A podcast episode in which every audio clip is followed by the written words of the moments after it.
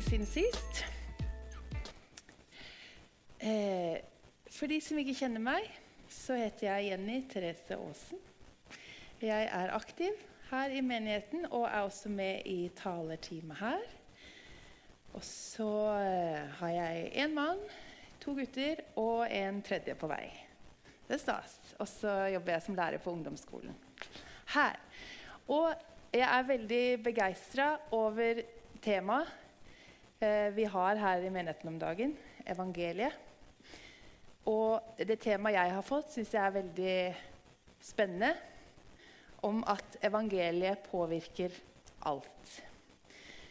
Og så lurer jeg på, Var det flere enn meg som satt her eh, i salen forrige søndag og var nesten litt målløs over evangeliet? Men også over Johannes Vårlandsmyrs evne til å formidle det. Det var utrolig Utrolig Eh, flott, eh, spennende tale og vel verdt en lytt på Spotify. Så for å prøve å oppsummere det litt, så talte han om at ja, eh, evangeliet kan på den ene siden kanskje oppsummeres ganske enkelt i en setning eller to. Men på den andre siden så er det jo egentlig ikke enkelt i det hele tatt. Eh, for det er jo sant at selve sentrum i evangeliet, er at Gud ble menneske da han sendte sin sønn til jorda. At Jesus døde for våre synder og sto opp igjen, og i det redda oss fra fortapelse. Sånn har du det på en måte. Men for at dette skal bety noe for folk, for at det skal treffe noe, i folk for at det skal gi mening, så hjelper det sjelden å bare si det, som den setningen.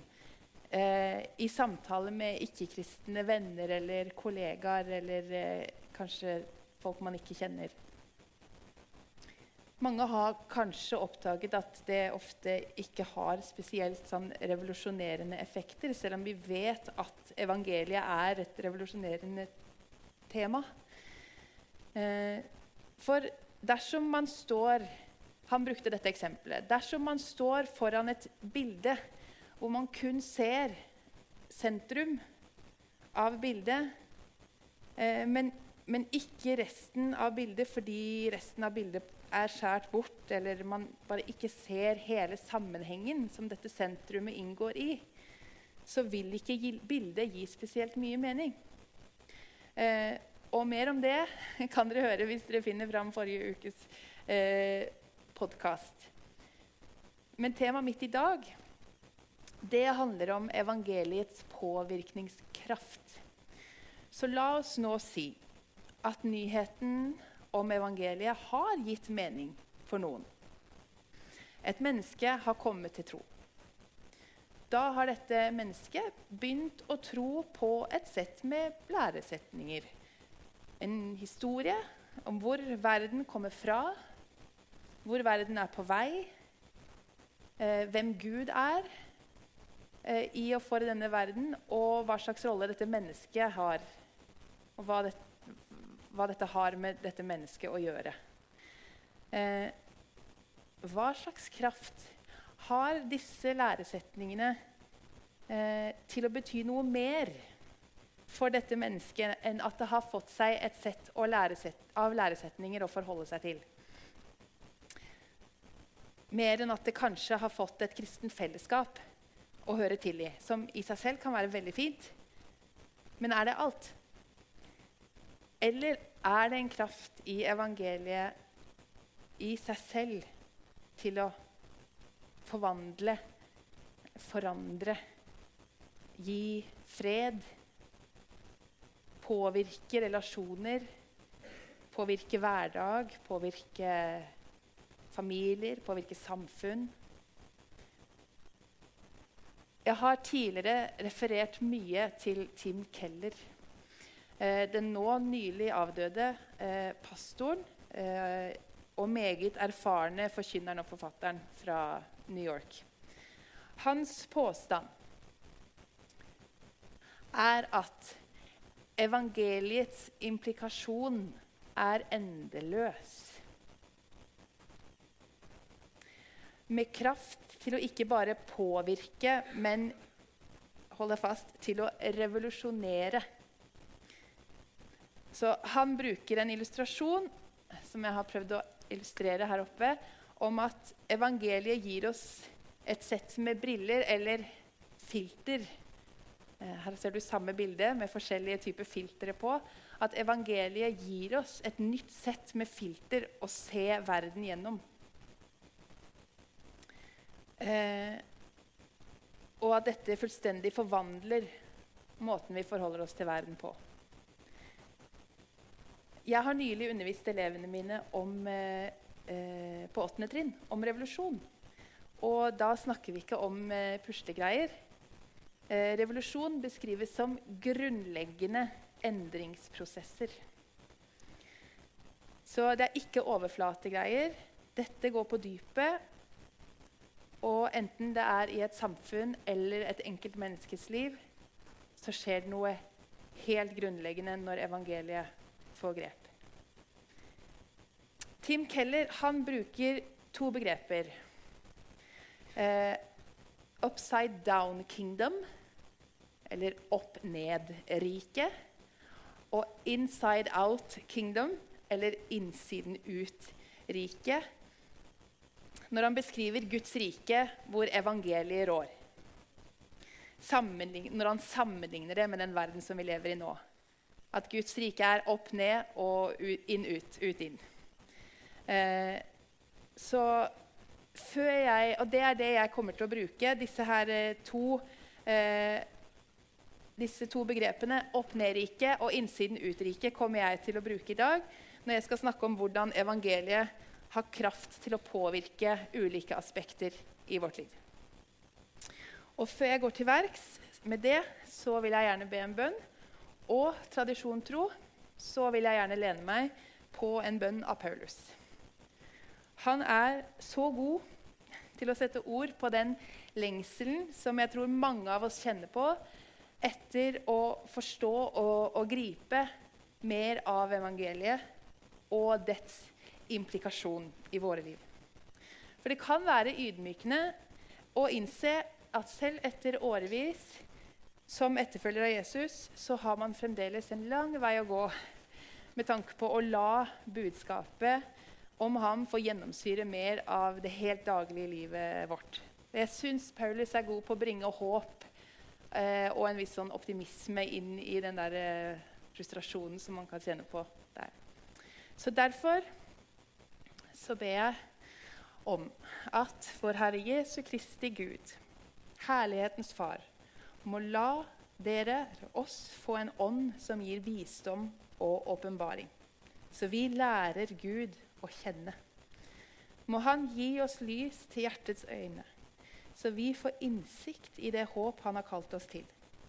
Hvor rik og herlig Hans arv er for oss hellige og hvor overveldende hans kraft er hos oss som tror. Amen. Så opp ned riket. Tim Keller kaller altså den virkeligheten som evangeliet har mulighet, har kraft til å skape, for et opp-ned-rike. Og det gjør han fordi måten Jesus kom inn i verden på, som en konge som ble en tjener, og de verdiene han brakte med seg der han gikk, at de er helt opp ned sammenligna med verdens måte å tenke verdi på. Han var den største, men han gjorde seg selv til alles tjener. Han vant seieren men ikke på den måten verden tenker på seier, gjennom makt og innflytelse.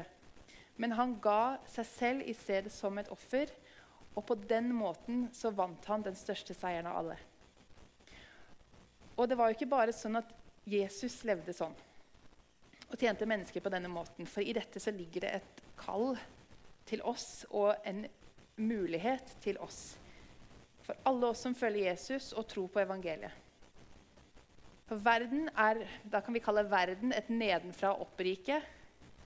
Hvor de fattige, de syke, de svake, de ubetydelige er nederst. Og de med pengene, de med makta, de med popularitet og de med anerkjennelse, de er øverst.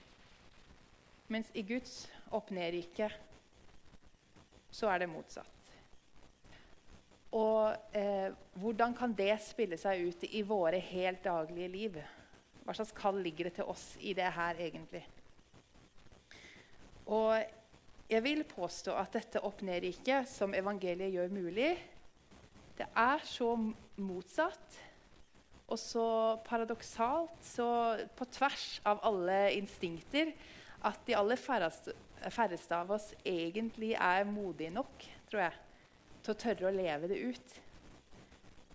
For det å gi slipp på sitt eget forsvar, eh, sin egen eh, rettferdiggjørelse fordi det uansett ikke er vi som skal rettferdiggjøre oss. Det har Jesus allerede gjort. Det er jo kjempeskummelt. Jeg har personlig følt meg veldig mye utfordra av dette, kanskje spesielt det siste året. Og jeg har for alvor innsett at nedenfra og opp-riket, altså denne verdens måte å forstå eh, dette på, det er det som ligger i ryggraden min. Det er det som er på en måte standarden for hvordan jeg opererer i verden. Og så ser jeg at evangeliet sier noe annet. Og så har det bare butta skikkelig mot hverandre. Um, fordi det å leve som evangeliet kaller oss til, som hverandres tjenere istedenfor som sin egen tjener først og fremst, eller som hverandres tjenere i stedet for at andre skal være min tjener, det er nesten umulig. Kanskje spesielt i de helt dagligdagse situasjonene hvor du bare lever det helt vanlige livet med de menneskene du vanligvis har rundt deg. Eh, setningen som har gått igjen i hodet mitt det siste året, har vært Tør du tro på og leve ut at Gud er din forsvarer og er den som gir deg verdi, og at ikke det er du selv som trenger å forsvare deg selv eller gi deg selv verdi. Så Da har jeg jo lett litt etter eksempler på hvordan dette kan spille seg ut i det dagligdagse. Og da kommer det jo mange situasjoner fra familiehverdagen opp.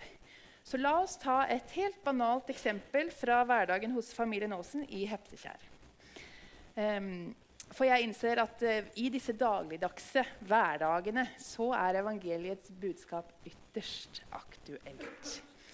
Så uh, la oss si at min mann Daniel, som er hjemme i permisjon denne høsten Han har middag på bordet hver dag når jeg kommer fra jobb. Han har full kontroll på klesvasken, husvasken, ukeshandelen og det meste. Ja.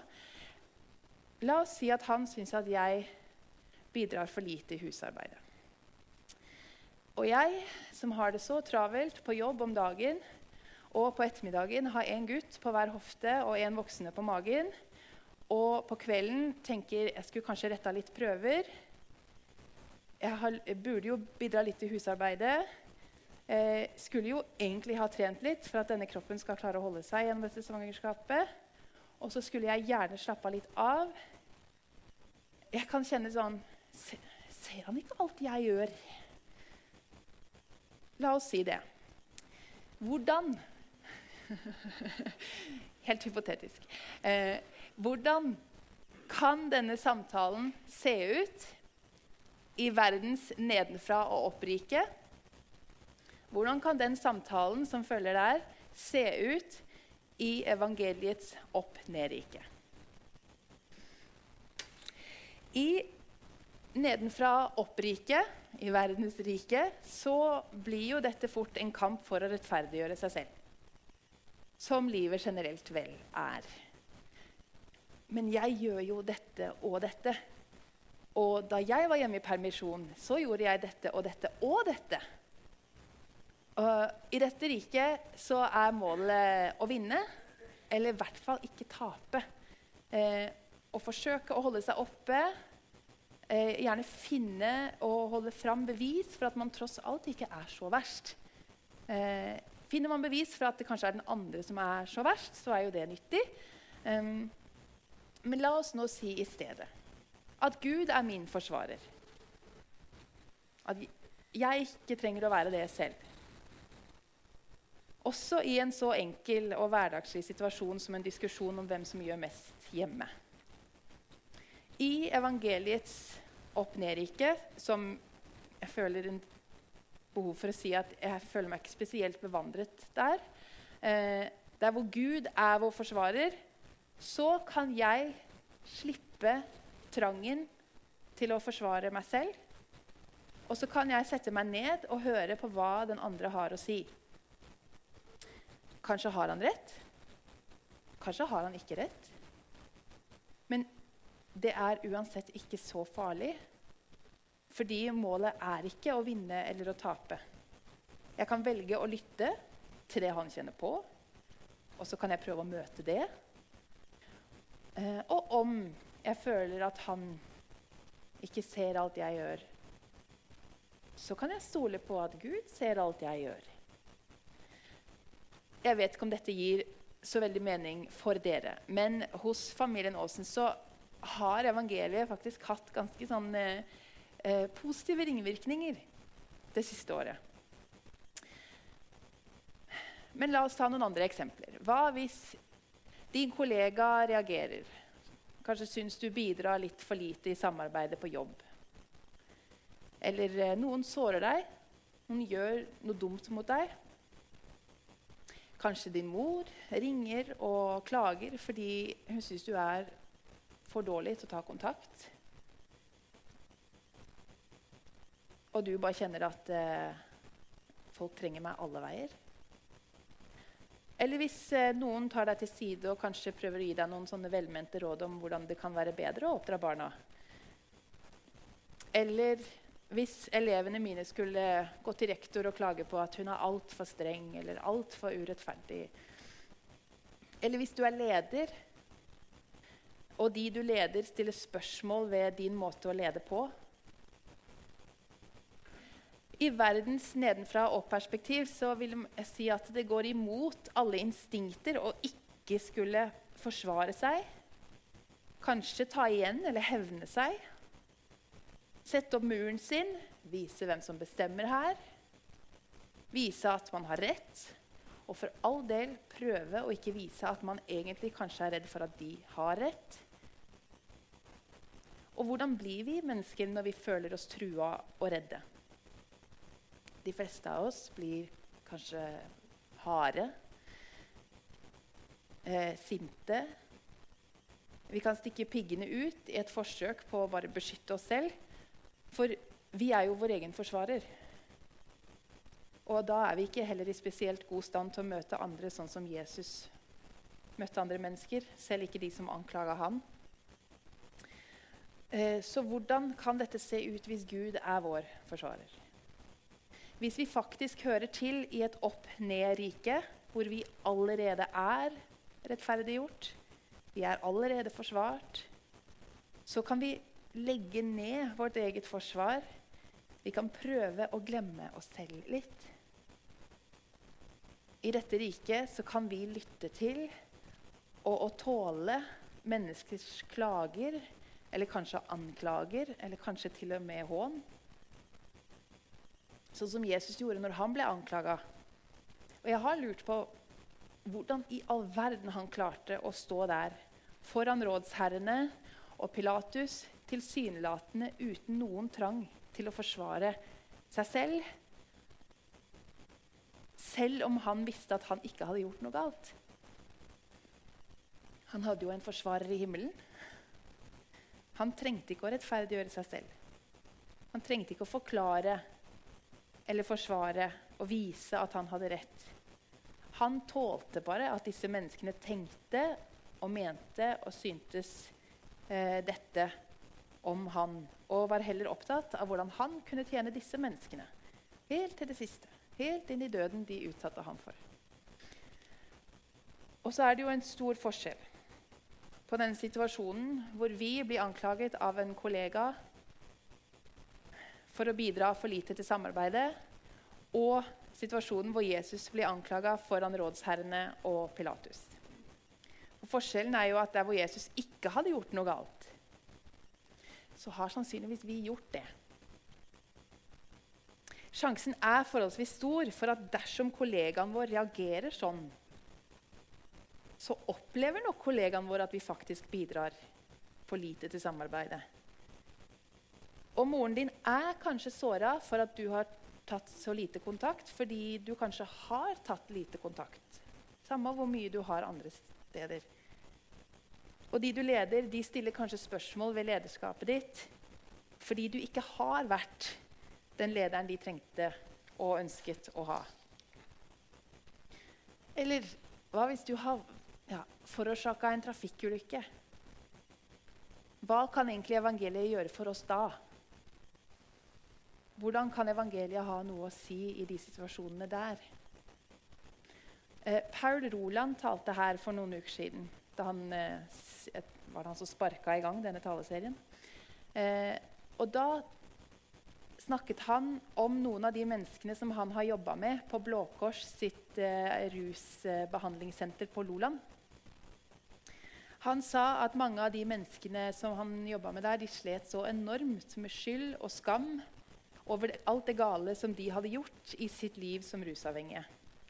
Spesielt trakk han fram et menneske som bare ikke kunne slippe skyldfølelsen over de unge menneskene som han hadde solgt stoff til, og familiene deres og livene der som han visste at de har jeg ødelagt. Og så mye smerte som han hadde forårsaka. Han klarte ikke å tilgi seg selv. Og i denne verden så så er det to grøfter vi lett kan falle i når vi har gjort noe galt. Enten så kan vi bli så tynga av skam og skyld over det gale vi har gjort, at vi havner i en tilstand hvor vi blir så opptatt av vår egen skyld og skam at vi ikke kan tåle å se andre i øynene. Eh, vi kan ikke tilgi oss selv, eller vi kan ikke la andre tilgi oss. Eller så kan vi komme til å forsvare oss for vårt bare liv for å hvert fall prøve å redde noe. Det er sånn Ja, men det var, det var, ikke så galt. Eller det var jo ikke så galt som det Eller eh, Du har gjort noe galt, du òg. Men i Guds opp-ned-rike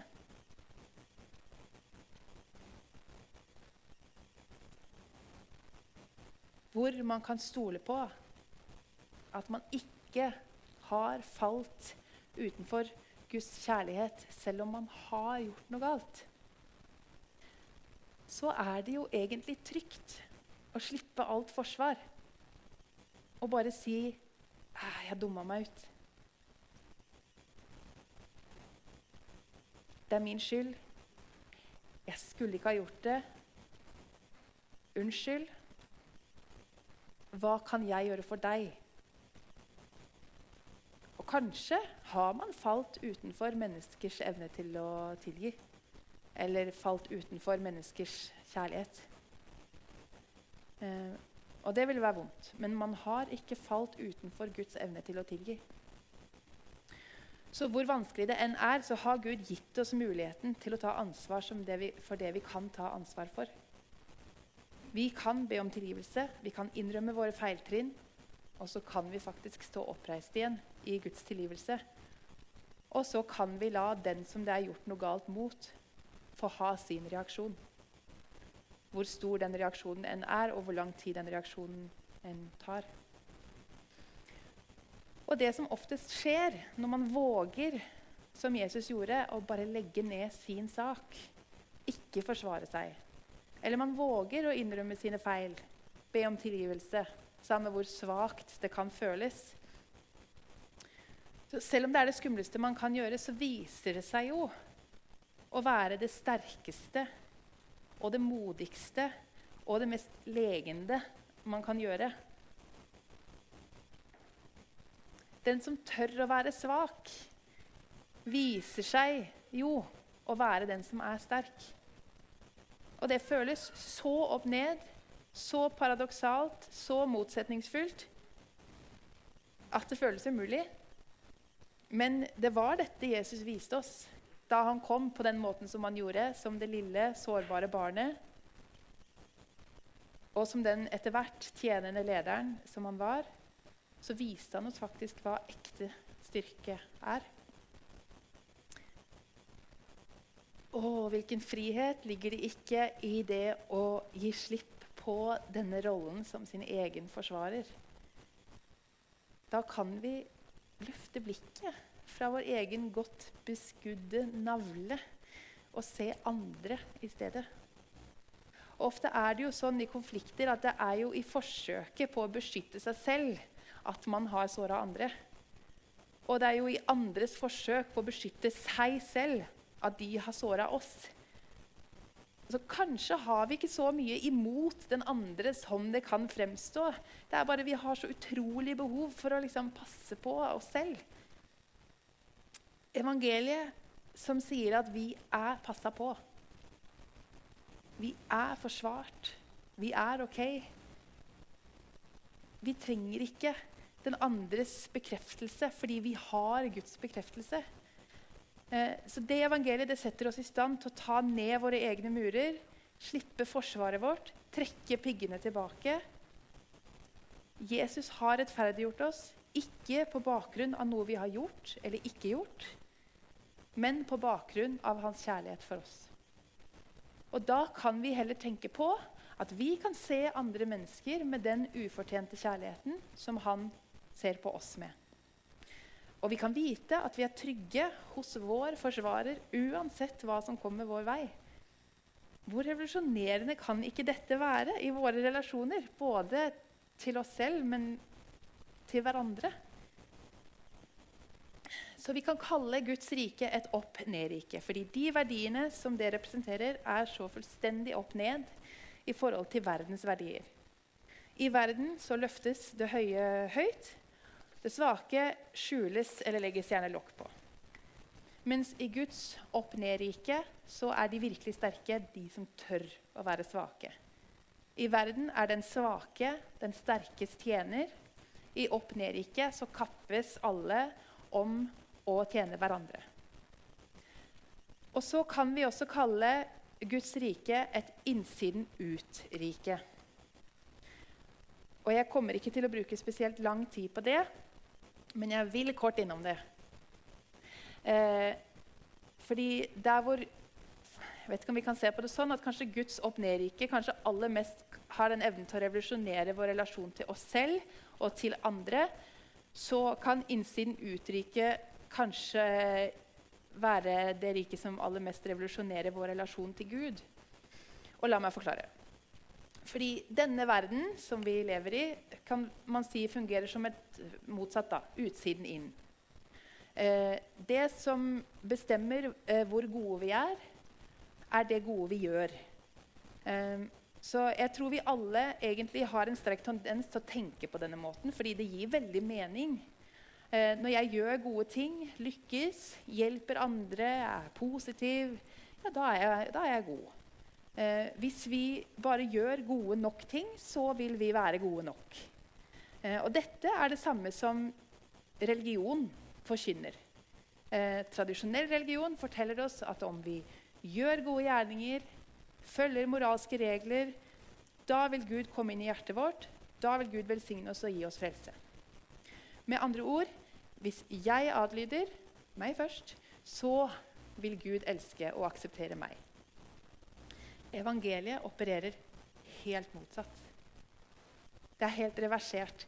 Hvis jeg vet i hjertet at Gud har akseptert meg og elsker meg gratis av nåde, da kan jeg begynne å adlyde ut av en indre glede og takknemlighet. Når vi virkelig klarer å fatte at dette er det evangeliet formidler, så vil det endre fullstendig på hvorfor vi gjør de tingene vi gjør. Og i verdens perspektiv så gjør vi det vi gjør for å bli gode nok. Og hva vil ikke et menneske gjøre for å gjøre seg fortjent til kjærlighet fra Gud eller eh, foreldre eller venner? I evangeliets innsiden ut-rike, så gjør vi det vi gjør fordi vi er gode nok. Det er så fundamentalt annerledes Eh, men det er vanskelig å tro på. Det er på en måte vanskelig å akseptere. Det er vanskelig å kanskje vite hvordan det kan se ut. Men eh, selv så kjente jeg i slutten av ungdomstida at jeg var skikkelig lei av å leve det kristne livet ut til fingerspissene. Dette skrev jeg litt om i Hjerterom-magasinet i høst også. Jeg gikk inn i en skikkelig troskrise fordi jeg visste virkelig ikke hva evangeliet betydde for meg. Og jeg misunte på en måte de som ikke hadde vokst opp i kristne familier, men som var blitt kristne på et senere tidspunkt. Fordi de kjente jo ikke til alle de her do's and don'ts, alt man liksom skulle gjøre og ikke gjøre eh, som kristen. Men å, de elska Jesus, og de brant for å leve for ham. Jeg kjente alle do's and don'ts, men jeg elska ikke Jesus. Og jeg brant ikke for å leve for ham. Så jeg skulle nesten miste troa helt før jeg lærte at jeg var elska og ønska av Gud, om jeg så aldri gjorde en kristen ting igjen. Og så har jeg jo snakka med folk som har gått fra troen. Eh, fordi det å føle at man bare Man fikk ikke til det kristne livet. Ah, det, det, å føle at man aldri var god nok for Gud, det var bare så destruktivt. Det var så tyngende. Oh, så når de da slutta å tro på Gud, gikk bort fra det, så var de, oh, da var de endelig fri. Og endelig var de gode nok som de var. Og jeg husker selv at jeg i ungdomstida så kunne jeg kjenne på det noen ganger at det føltes sånn, oh, friere å være sammen med den ikke-kristne vennegjengen. Eh, hvor de, de, var ikke så opptatt av hvilke valg jeg tok, om de var riktige og gode, enn når jeg var sammen med den kristne vennegjengen, hvor alle sant, visste utmerka godt hvilke valg som var innafor og bra, og hvilke valg som var litt på kanten. Du så liksom blikket på dem. Skal du det? Så, men så er det jo sånn Så er det jo sånn at det er jo ikke sant at når vi bare kommer oss inn i verden, så er vi gode nok som den vi er. Fordi i verden så er jo det som definerer og sier oss verdi, det er jo de tingene vi får til. Det er jo de tingene vi gjør. Målet er jo hele tida å prøve å rettferdiggjøre at man er god nok. Og på samme måte er jo religion Den sier også at man er elska av Gud i den grad man gjør de riktige tingene. Så det som skiller seg ut her, er jo evangeliet. Det som er annerledes både fra verden og fra religion, er jo evangeliet. Og i evangeliets innsiden utrike så måles vi ikke ut fra hva vi gjør. Vi måles ut fra det Jesus har gjort. Så når vi virkelig fatter da, hva det betyr at det ikke er det vi gjør, men det Jesus har gjort, som gir oss verdi, så vil det revolusjonere ikke bare vår eh, eh, relasjon til Gud, men også til andre, og hvorfor vi gjør, hvorfor vi lever det livet vi lever. Og da vil det gå fra å bli det som jeg kjente mye på i ungdomsåra, en litt sånn fryktprega relasjon hvor Gud er den som sitter med målestokken og vurderer. Vi prøver å gjøre det vi tror han vil, fordi vi er litt redd for konsekvensene, litt redd for å falle ut av fellesskapet.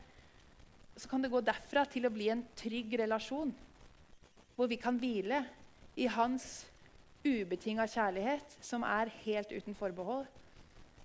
Så Jeg kan ikke få understreka nok hvor revolusjonerende det var for meg og min tro og mitt liv å oppdage at det var sånn Bibelens Gud var.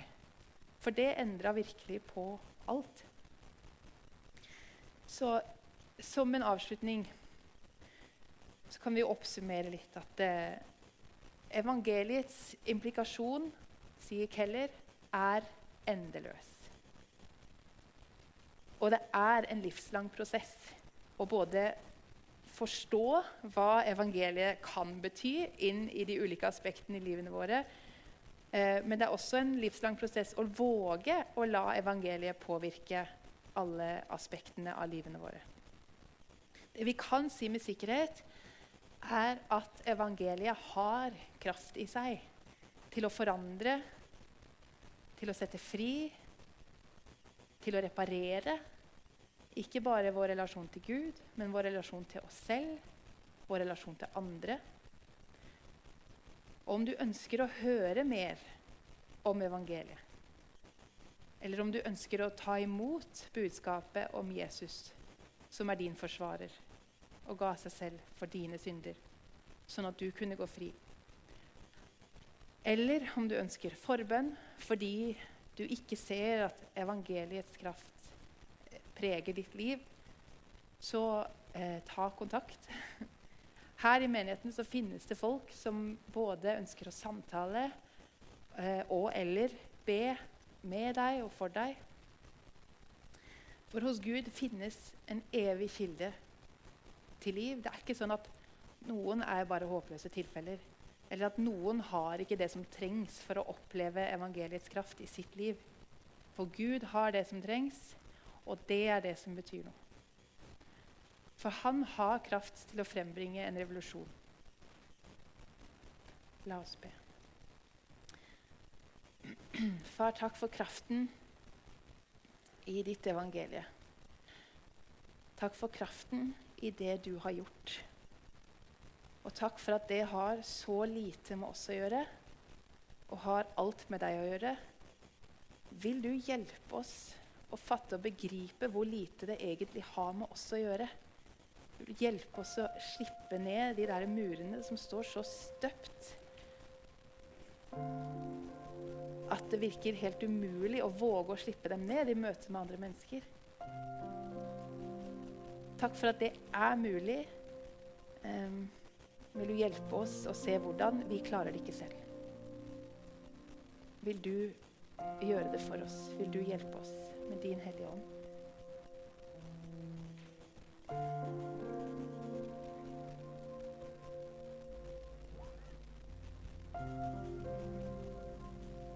Takk for at du lengter etter hver eneste en av oss, at du lengter etter at vi skal få oppleve dette med deg.